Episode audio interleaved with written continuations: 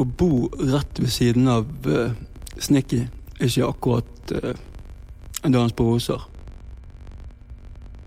Han skriker. Hva sa du til meg? Hva gjør du for noe? I går så ga han meg en uh, flatnau fordi jeg våget å gå ut og lage meg uh, skiver fem minutter før innlåsning. Han er en kuk med ører. Men ingen tør å si det til ham. Men jeg har alltid vært uh, forbannet på den måten der. Jeg greier ikke å holde kjeft. Så ja, det kommer sikkert flere flatnauer. It's all good. Men jeg liker ikke å være redd. Redd for uh, bøller. Rett etter jeg flyttet uh, hjemmefra, så traff jeg en uh, gangster. Vi kan kalle ham for sadisten. Og sadisten han var en karismatisk dude, som sadister ofte er. Så jeg traff eh, tilfeldigvis på gaten, og vi kom i snakk, og hva har du gjort på det siste, bla, bla, bla. Og så kan jeg og damen bli med bort til deg og uh, røyke litt heroin og kule. Jo, ja, hvorfor ikke? Men et uh, par timer ble til et par dager, og plutselig en dag gikk det opp for meg at dette mennesket bodde hos meg. Han sov i sengen min, jeg sov på sofaen. Noe som første dagen syntes virket som en helt uh, fornuftig ting, siden han hadde en kjæreste og jeg var aleine. Men etter en uke så var det begynt å bli irriterende. Og jeg hadde ikke noen idé om hvordan jeg ble kvitt han. Og jeg torde jo ikke uh, be han komme seg ut. For det var jo langsomt gått opp for meg at dette var et sinnssykt menneske. Og så En dag så spurte han meg hvor er heroinen min, Cato? Nei, jeg vet ikke hvor uh, heroinen din er. Og så sier sadisten jo, du har stjålet den. Nei, jeg lover deg, jeg har ikke stjålet den. Og så slo han meg. Og han slo så et tog krasjer, altså. Jeg mistet bevisstheten i et par sekunder. Og så løftet han meg opp.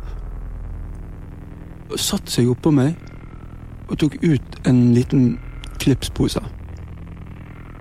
Så tok han en pinsett og tok ut tre LSD-doser.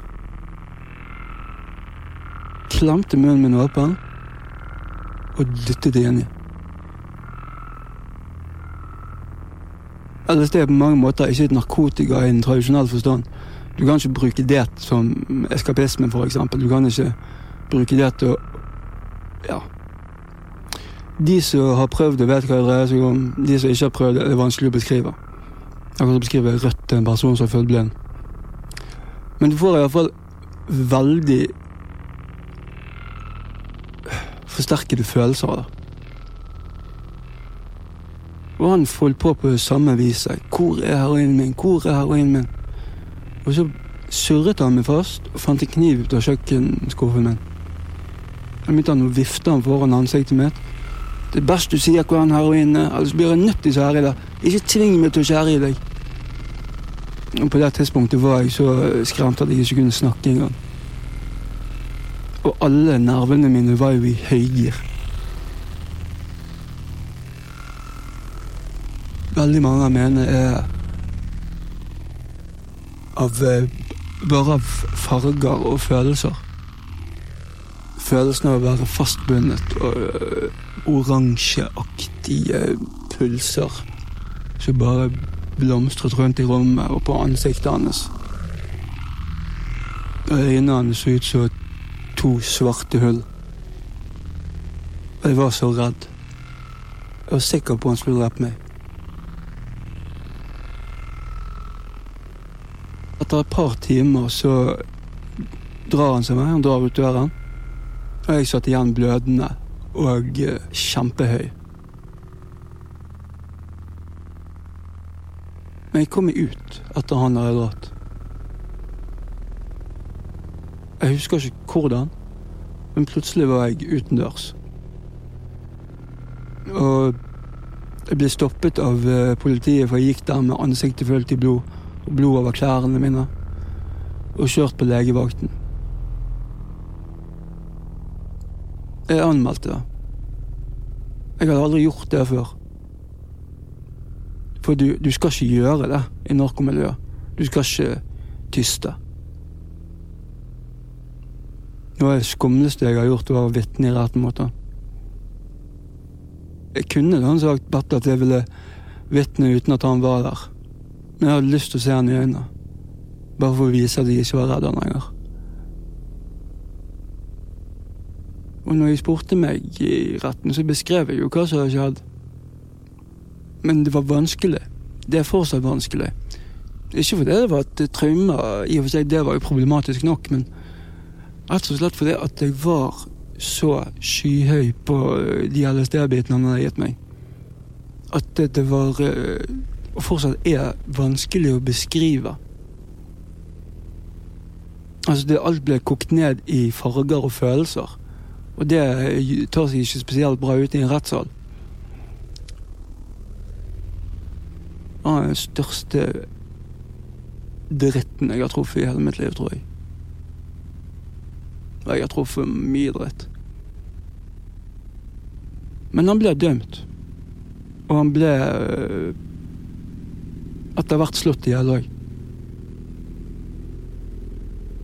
Han forsvant øh, østpå og kom tilbake med Jeg ble fortalt da. En veldig stor gjeld. Tre stykker.